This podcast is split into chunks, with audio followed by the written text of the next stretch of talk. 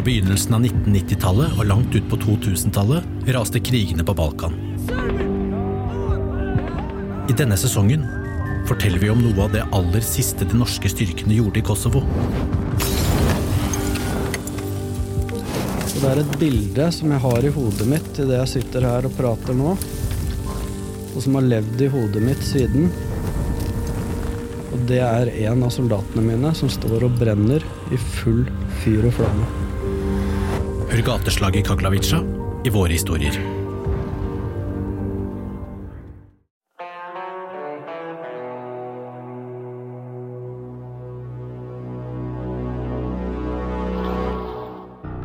Er militær mental trening og prestasjonspsykologi den hemmelige ingrediensen som kan gi oss soldater i verdensklasse? Er det bare kumbaya, eller er det et reelt verktøy som gjør oss til bedre og mer robuste soldater og mennesker? Hva betyr det i praksis, og hvilke råd kan eh, en av de beste innenfor området gi oss? Du hører på Klar til strid, en podkastserie om soldathåndverket og soldatlivet med soldatene selv. Jeg heter Rune Wenneberg og har vært soldat i 33 år. Også i dag har jeg med meg kommandersersjant Christian Ytterbøl i studio. Christian er en erfaren soldat med lang stridsteknisk erfaring, har bakgrunn både fra Hæren og Kystjegerkommandoen, og har deltatt eh, på operasjoner og krig i Bosnia, Kosovo, flere ganger i Afghanistan og Midtøsten. I dag er han lærer i lederutvikling ved Krigsskolen. Kristian er jo det vi kan kalle en krigsakademiker, bachelor og master i coaching, og de siste årene har han jobbet med doktoravhandlingen sin om prestasjonspsykologi i en militær kontekst. Både hans militære liv og akademiske arbeid dreier seg om å få soldater til å prestere bedre. Om bl.a. mental robusthet og militær mental trening.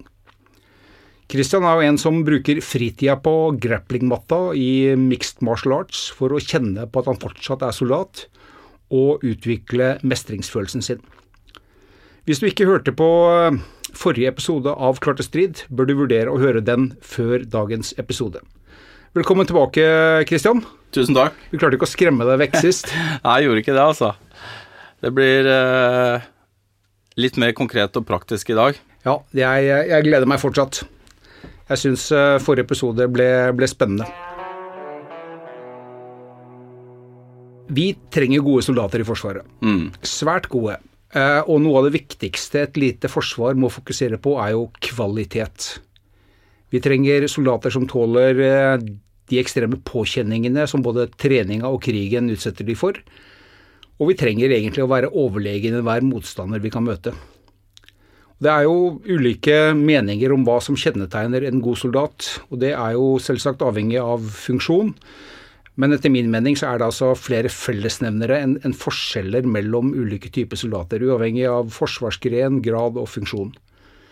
Og du har jo en spennende bakgrunn for å dykke inn i den diskusjonen. Du har lang operativ erfaring, du har vært i krig, du har uh, trent opp soldater, og du har over flere år forska på soldatene våre. Hva, hva, tenker du Kristian er de kjennetegnene på, på gode soldater, altså soldater som overlever og vinner på et moderne stridsfelt og, og lever med seg selv etterpå? Jeg tenker det er i hvert fall ganske annerledes enn uh, det Hollywood-bildet av hva gode soldater er. Um, jeg tror at uh, de beste soldatene jeg vet om, da, de er ydmyke. De er også ydmyke i forhold til det at uh, de ser etter ting de kan lære. Uh, de er tålmodige i forhold til å akseptere at det tar tid å, å, å bli best. De er opptatt av relasjoner. Uh, det vil si at de har en evne til å sette teamet før seg sjøl. Og de er genuint interessert i det å kunne bli så gode som de, de kan bli. Da. Og, og, det du beskriver nå, er jo ikke nødvendigvis en spesialsoldat. Det er like mye en systemoperatør på en P3. Absolutt. Og det er jo veldig ofte sånn at uh, man kanskje tar et sånn idrettslig perspektiv, hvor det handler om konkurranse. ikke sant, At uh, ja, herrelaget i alpin er liksom sånn og sånn mot herrelaget i alpin i Østerrike.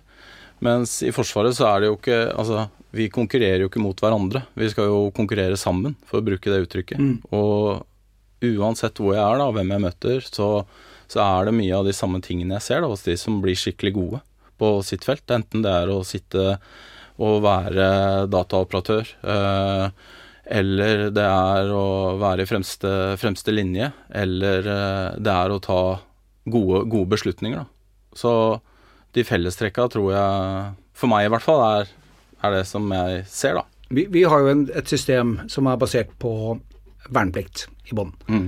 Eh, og så har vi en del avdelinger eh, som er fullprofesjonaliserte, altså Mm. ansatte.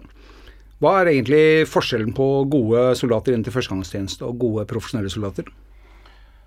Forskjellen for meg, det er nok at eh, på et vernepliktig nivå så skal du forstå og lære deg håndverket, da. Så da handler det i mindre grad om kanskje å være best i forskjellige liksom, tekniske disipliner, men at du er veldig god på å Altså, du, du utvikler en robusthet innenfor det området du skal jobbe med, da. Du utvikler en, en veldig grunnleggende forståelse for, for spennet i det som er arbeidsoppgavene dine. Og det gjør jo at du har muligheten til å, til å søke deg videre inn i den profesjonelle eh, delen. Og når du blir profesjonell, så får du jo mer tid til å bli enda bedre på det som er grunnlaget. Så verneplikten er jo det, er jo det som er eh, grunnmuren. Det er jo der vi henter alle fra etterpå. Og jeg er i hvert fall blitt heldig overbevist om at uten verneplikten så hadde vi aldri hatt så gode profesjonelle avdelinger som vi har i dag. Det er, det er 100% Jeg mener jo personlig det at uh, det å ha en allmenn verneplikt, det, det, er det beste vi kan, kan gjøre. Da. og ikke bare for de som fortsetter, men de som kommer ut i det sivile òg. Og jeg har jo sagt før òg at jeg håper jo det kan bli mer. At det ikke det er bare noen få som får anledning, men så mange som mulig. Egner alle seg som soldater? Det er et godt spørsmål. Um, både, både, ja og nei, fordi hva, hva er en soldat? Det er, det er, så utrolig forskjellige kontekster. Altså Hvis du hadde tatt meg når jeg, hadde, når jeg begynte i 1997, da, så egna jeg meg veldig bra som eh, i patrulje ikke sant, i en, en jegertropp. Men hadde du satt meg til noe teknisk, så hadde jeg vært verdens dårligste. Så det, vi har jo forskjellige typer egenskaper, og vi, vi trengs på forskjellige arenaer, da. Så hvem er best, og, og, og, hva er tøffest, og hva er hardest og sånn, det, det, for meg er litt sånn irrelevant, da. For det, det er så utrolig mange arenaer å prestere på, og vi, treng, vi trenger alle. Ja, og, og, det merker vi jo både i rekrutteringssammenheng og omdømmet til Forsvaret at uh, mange tror jo at alle går rundt og bærer tungt og langt. Mm. Og sparker inn dører, Mm. men, men, det er som du sier, det er et ekstremt mangfold i funksjoner. Mm. Og det, til det så trenger vi mange forskjellige mennesker. Mm, absolutt. Vi snakket kort uh, forrige episode om uh, norske soldater og, og særegenhetene. Og, og, og, min påstand er at vi har særdeles gode soldater. Mm. Hva, hva mener du er det som gjør nordmenn til gode soldater?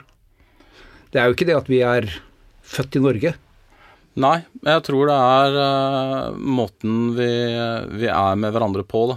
At vi er så like. Vi er ikke redd for å si ifra. Uh, vi er ikke redd for å gå på kryss og, og tvers, da. Og uh, vi kan nok kanskje fremstå litt sånn rotete for andre allierte noen ganger, og de får litt sånn sjokk når en korporal snakker til, til en major.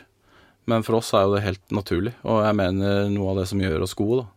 Når jeg var sjefsergeant i Hæren, var vi på uh, grensevakten med en amerikansk firestjerners general, med daværende hærsjef Odin Johannessen. Mm.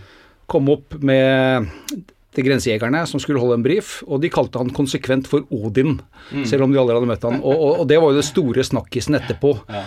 Uh, men det har jo ingenting med mangel på respekt eller disiplin å gjøre. Tvert imot, tenker jeg. Tvert imot.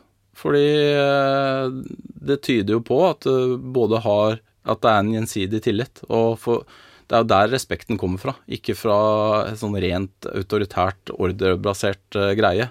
For da blir du bare sånn øyentjener, og det, det hjelper ikke liksom at det, å, nå er det sånn og sånn, og da fungerer dette bra. Og for meg så er et eksempel på det at um, du har jo noen utenlandske avdelinger som er utrolig gode på å skrive reglement og skriver veldig mye bra om ledelse og sånn, men når jeg ser det i praksis, så tenker jeg ok, her er det ganske stor avstand mellom det narrativet som, som de lager, og det som faktisk utføres. da. Spesielt det med samhandling. Og det er det som er litt spennende med, med ditt arbeid, er jo nettopp at hvordan kan vi gjøre disse utrolig dyktige soldatene til enda bedre og mer robuste soldater? Mm. Og det er klart at eh, jeg tilføyer ikke noe magisk pulver eller eh, trylleformular. Eh, jeg tror jo at de må trene mer og øve mer og, og gjøre de tingene de skal være gode i, mest, mest, mulig. Og når man gjør det, så går det an også å forsterke f.eks. For innlæringen av noe. Det går an å forbedre prestasjonen av noe ved, ved, bruk av prestasjonspsykologi og uh, militær mental trening. Da. Men det er ikke noe som kan erstatte noe. Og det skal vi snakke litt mer om uh, nå. Å sette seg hårete mål og snakke om og forstå at vi trenger skarpe soldater i verdensklasse er jo én ting, Kristian. Å få det til er noe helt annet. Mm. Hva er det vi faktisk trenger å gjøre for å lykkes med dette her? Eh, og jeg håper at vi kan være mest mulig konkret og se litt på hva vi kan og bør gjøre i praksis ute på troppsnivå, fartøy osv. Mm. Eh, hvordan kan troppsbefalet utvikle seg selv og soldatene sine konkret? Det er, eh, det er jo flere ting som kanskje er viktig, viktig der, da, men hvis vi skal være veldig konkrete og se på innlæring eller repetisjon av, av basisferdigheter, f.eks., så, så handler det jo veldig mye om å kunne skape en arena der det er ålreit å lære, da. Eh, det vil si at eh, det må være Altså man må skape en læringsarena og en treningsarena der hvor det er lov å feile, da. I selvfølgelig innafor uh, trygge, trygge, rammer, det sier seg sjøl. Men det må kanskje være et enda større fokus på det at eh, det å lære betyr ikke å mestre noe med en gang. Det å lære er en prosess, da. Og alle har sin måte å lære på. Noen lærer litt raskere, eh, og de blir ofte kalt talenter. Eh, som er litt sånn oppskrytt for meg, da. Eh, fordi som fra min erfaring, som jeg ser blir aller best, det er jo de som har et talent i å jobbe for noe. Det er nødvendigvis ikke de som mestrer det med en gang, men det er de som da gjennom å feile får den erfaringa du trenger for å prestere bedre neste gang. Og det betyr jo at det å legge til rette for trening som, som gjør at uh, det er ålreit å, å, utforske det, det, rommet litt, da, tror jeg, tror jeg er viktig. Eh, og det vil si at uh, det kan ikke bare være en tilnærming til det å, å gjennomføre f.eks. en tabell i skyting. Det, det gjør jo ingenting annet enn at du har gjennomført den men hva er det du gjør for å tilrettelegge for læring da, i, i den tabellen?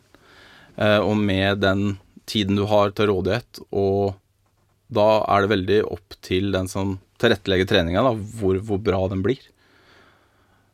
Og det da også skape eh, en forståelse av at eh, ok, i dag skal vi gjøre dette, eh, og legge mer vekt på en en spørrende tilnærming til undervisning da, enn en sånn autoritær 'jeg vet best', altså den ekspertdelen. Og det er noe som henger veldig tett sammen med prestasjonspsykologi, er at vi, vi bruker jo mer en coachende tilnærming til det, det, å bli god, da. Når jeg skulle lære meg å skyte, så ble jeg knekt inn i de seks studiegrepsfaktorer. Ja. Um, det mener du ikke nødvendigvis er riktig? Altså, det, det er jo kjempefint å ha de seks stødige gressfaktorer, Men uh, det er ikke gitt det at uh, det å knekkes inn i de, er de som gir best resultat med en gang. Fordi jeg tror mange misforstår bruken av det. da. Altså Det er som en guidance for deg som trener og instruktør. da. Det å ha med de faktorene som vi vet gjennom erfaring viser seg å være viktig for å, for å prestere. Men det er jo mange måter å, å, gjøre det på. Og en av de tingene som er viktig, det er jo å, å fremstå som eh, å, vise det sjøl, at eh, du faktisk er i stand til å gjøre dette her som du ber andre gjøre. Og et veldig enkelt eksempel der er jo på, på skyte, skyteutdanning, f.eks. Og jeg husker når jeg begynte uh, som uh, på befalsskolen igjen, som, som først som kom, kompanisersjant der. Og så hadde vi jo ikke Det hadde jo skjedd noe med ammunisjonsmengder og, og sånn, så det var ikke sånn som jeg var vant til fra, fra jeg var i Hæren tidligere. Og da har, vi et ganske begrensa, rom å operere i, da. Og da er det ok, hvordan skal vi gjøre dette her best mulig? Og så spør jeg instruktørene, da. Ok, eh, skal vi stikke på skytebanen og trene, eller? Hæ? Trene? Nei, det, det har vi ikke tid til. Hvorfor har vi ikke tid til det? Nei, fordi det er sånn og sånn. Ja, men det må vi ta oss tid til, da. Så jeg, jeg tror det at du må trene trenerne, da. Det tror jeg er det aller viktigste. Vi, vi snakket uh, forrige episode om at uh, dette gir jo resultater hvis vi, hvis vi, gjør det metodisk og kunnskapen er på plass. Mm. Er, er, det, er, det, vanskelig å lære seg uh, de verktøyene som skal til for å prestere bedre? Nei, jeg tror jo ikke det, fordi basert på pilotprosjekt som jeg har gjort opp gjennom de siste ti åra, egentlig, hvor vi har testa ut ok, hvordan kan vi legge til rette for at uh, det er et større fokus på det å være instruktør og trener, da. Uh, hvor man kanskje fjerner seg litt fra den, den, klassiske 'jeg vet best, gjør sånn', til at man åpner opp for at de som kommer og skal trenes, også har noen ressurser med seg. Uh, og det da å integrere enkelte mentalteknikker som pust og visualisering, det vil jo forsterke den treningen som skjer, uten at det nødvendigvis tar noe mer tid. Men kvaliteten på det du gjør, blir bedre, da. For, for når du snakker om dette her, så er det jo ikke bare verktøy. Det er jo ikke bare pusteteknikker og sjekklister. Mm. Det er jo minst like mye kultur, kunnskap mm. og, holdninger mm. satt i system. Har ja. jeg forstått det riktig? Ja, absolutt. Og um, det også uh, kunne utdanne instruktører til å være trenere, da. Det er, det er en stor Jeg mener at det, det ligger en, en, ganske viktig distinksjon der. Uh, det å gå litt ned fra, fra, sin høye hest og tenke at man kan best, men at du setter deg en, en rolle som ok, nå skal vi trene. Skal, hvordan skal vi trene for at vi oppnår det felles, felles, målet, da. Kanskje vi må legge til rette for at uh, vi kan trene på en litt annen måte enn det som kanskje vanligvis gjøres, da, eller det som kanskje gjøres i litt for stor grad, nemlig det med gjennomføringsperspektivet på, på en økt. da. Du har sikkert møtt mange både dyktige og, og, dårlige ledere og instruktører. Hva er det som kjennetegner de, de dyktige? For meg så er det det at uh, en dyktig instruktør, trener, han eller hun setter seg i en situasjon der hvor de, de prøver å gjøre seg sjøl overflødig. Da. Det vil si at uh, de er uh, på Altså, de, de tar ansvaret om å få andre bedre. Men de aksepterer også at eh, de nødvendigvis ikke er den beste til å fortelle hver enkelt hvordan de skal bli bedre. Men de klarer å legge til rette for en personlig utvikling, da. Uh, og det baserer seg ikke på råd og instrukser, men det baserer seg mer på en spørrende type undervisning, da. Selvfølgelig må du lære basisprinsippene og sånn først, men det går ganske fort. Og når det er gjort, så vet vi at innenfor motor, motorisk læring så er det ikke nødvendigvis bare antall repetisjoner, det er kvaliteten på repetisjonene som gjøres. Og Da må man ha et tempo og en tilstedeværelse som gjør at det, det er mulig å gjennomføre. da. Fremfor å tenke at nå skal vi rekke tre runder til før vi er ferdig med økta. Så kanskje det er bedre å stoppe på et tidligere tidspunkt, men også tørre å gjennomføre det med, med kvalitet. da. Hvor, hvor viktig er det å trene og drille i det miljøet du skal operere i? Ehm, skal det være trygt og godt og varmt og tørt og mindfulness i høysetet, eller skal vi trene rått og brutalt? Jeg tror, jeg tror en kombinasjon. Når du først har uh, lært inn grunnprinsippene, så, så, så, tenker jeg at da er det viktig å prestere, altså trene i den arenaen du skal prestere i. For hvis avstanden der er for stor, så, så vil du aldri kjenne det igjen. ikke sant? Altså en uh, utforløper er nødt til å kjøre i bratte bakker, liksom. Det nytter ikke å sitte inne og trene visualisering. Du blir ikke, blir ikke god av det. Alene. Alene. Men kombinasjonen, for, da får du en gjensidig forsterkning, da. Ja, og, og, og, det er jo noe av det samme som, som jeg ser, at der du får til kvalitet i utøvelsen av teknikktrening f.eks., mm. så, så får du en raskere progresjon. Du, du mm. får ikke disse treningsarra, mens vi er ofte litt tempojaga en gjennomføring til, som du, som du nevnte. Mm. Og det, det kommer jo litt an på sant, vernepliktig kontra profesjonell, og nivåer av, av, det å være profesjonell, da. Men jeg tror uansett, da, så, så er det jo viktig også å klare å være til stede i det du driver med. At du har fokus på, på det du gjør. Uh, og der vil jo mental trening kanskje være med på å forsterke det å være til stede i det du driver med. Da. At uh, du lærer deg noen metoder og teknikker som, som gjør at uh, du opplever større kontroll på det du, det du driver med selv. Og uh, ja, igjen da, skyting som jeg har drevet veldig mye med. Så er jo, når du skal lære å skyte, så er jo 90% motorikk og 10% mentalt. Um, men når du har lært deg motorikken, så er 90% mentalt og 10 eh, motorikk. Så da, da, da switcher det. Og det, når skjer den switchen, på en måte? Og hvis du skal virke å bli god, da, så, så er det jo en kombinasjon med eksponering der òg, dvs. Si antall repetisjoner du gjør, under hvilke forhold og på hvilken måte. Mm.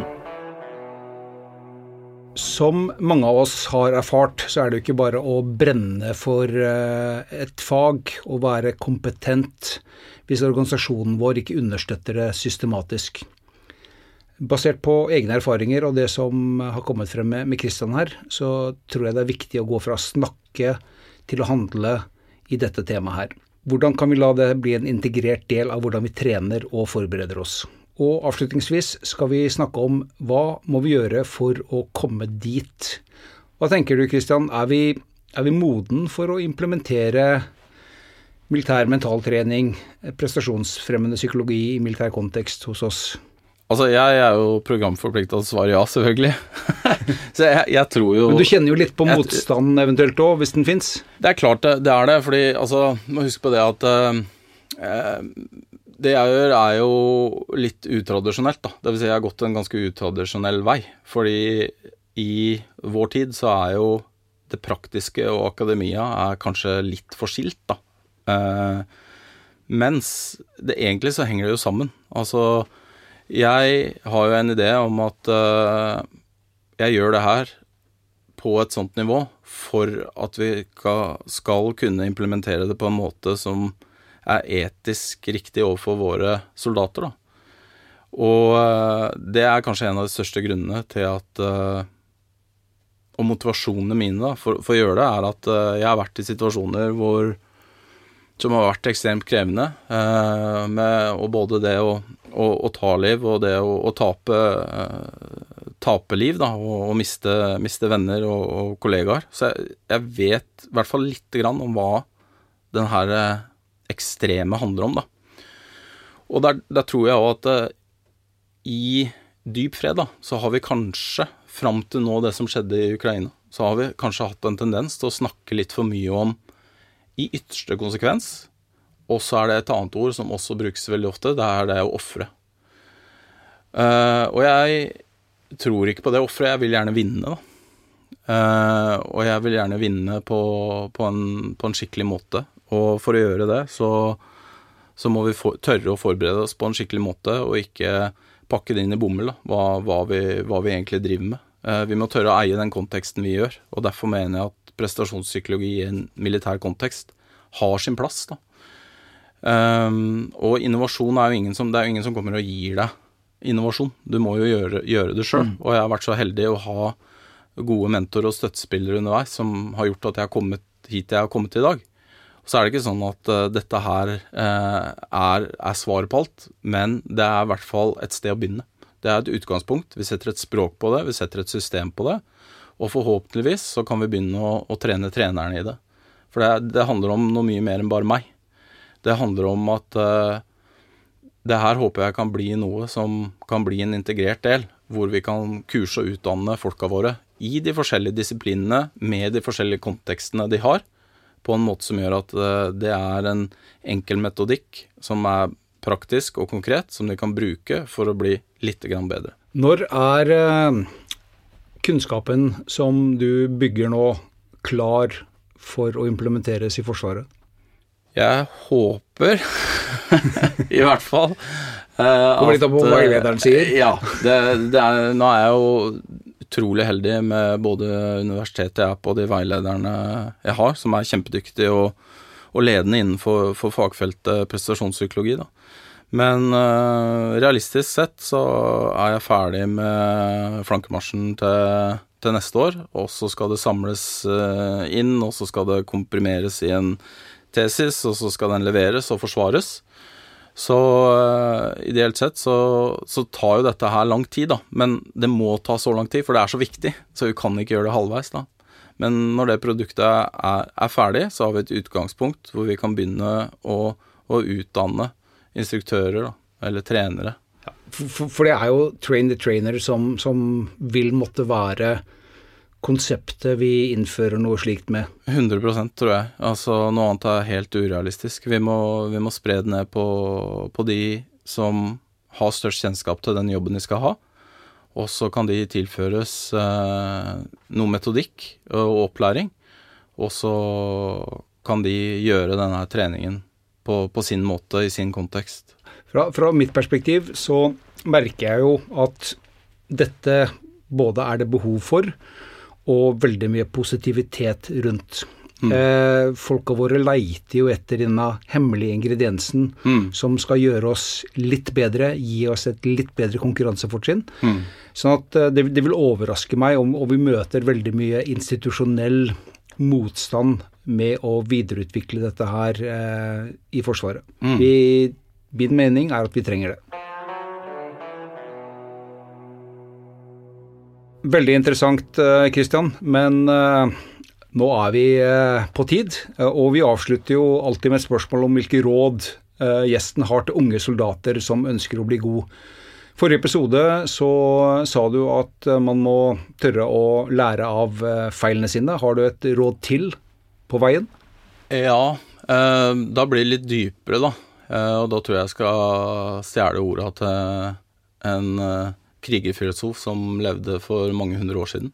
Og ikke en krigerakademiker? Ikke en krigerakademiker, en krigerfilosof. Han het Heraklitt, og han sa noe sånt som at uh, du kan aldri gå i den samme elven to ganger, da.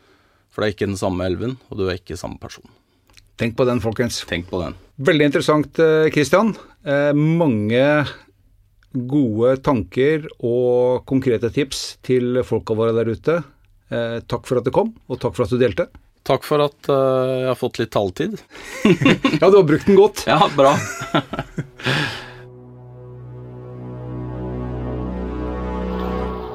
Hvis du har spørsmål eller temaer du er nysgjerrig på, send meg gjerne en mail på rvenneberg.mil.no, så skal vi se om vi kan lage en episode om nettopp det. Vi har mer enn nok av mange interessante soldater vi kan snakke om, om ulike temaer som interesserer dere. Klar til strid blir laget av Thomas Haraldsen, Kristine Hellesland og meg, Rune Wenneberg.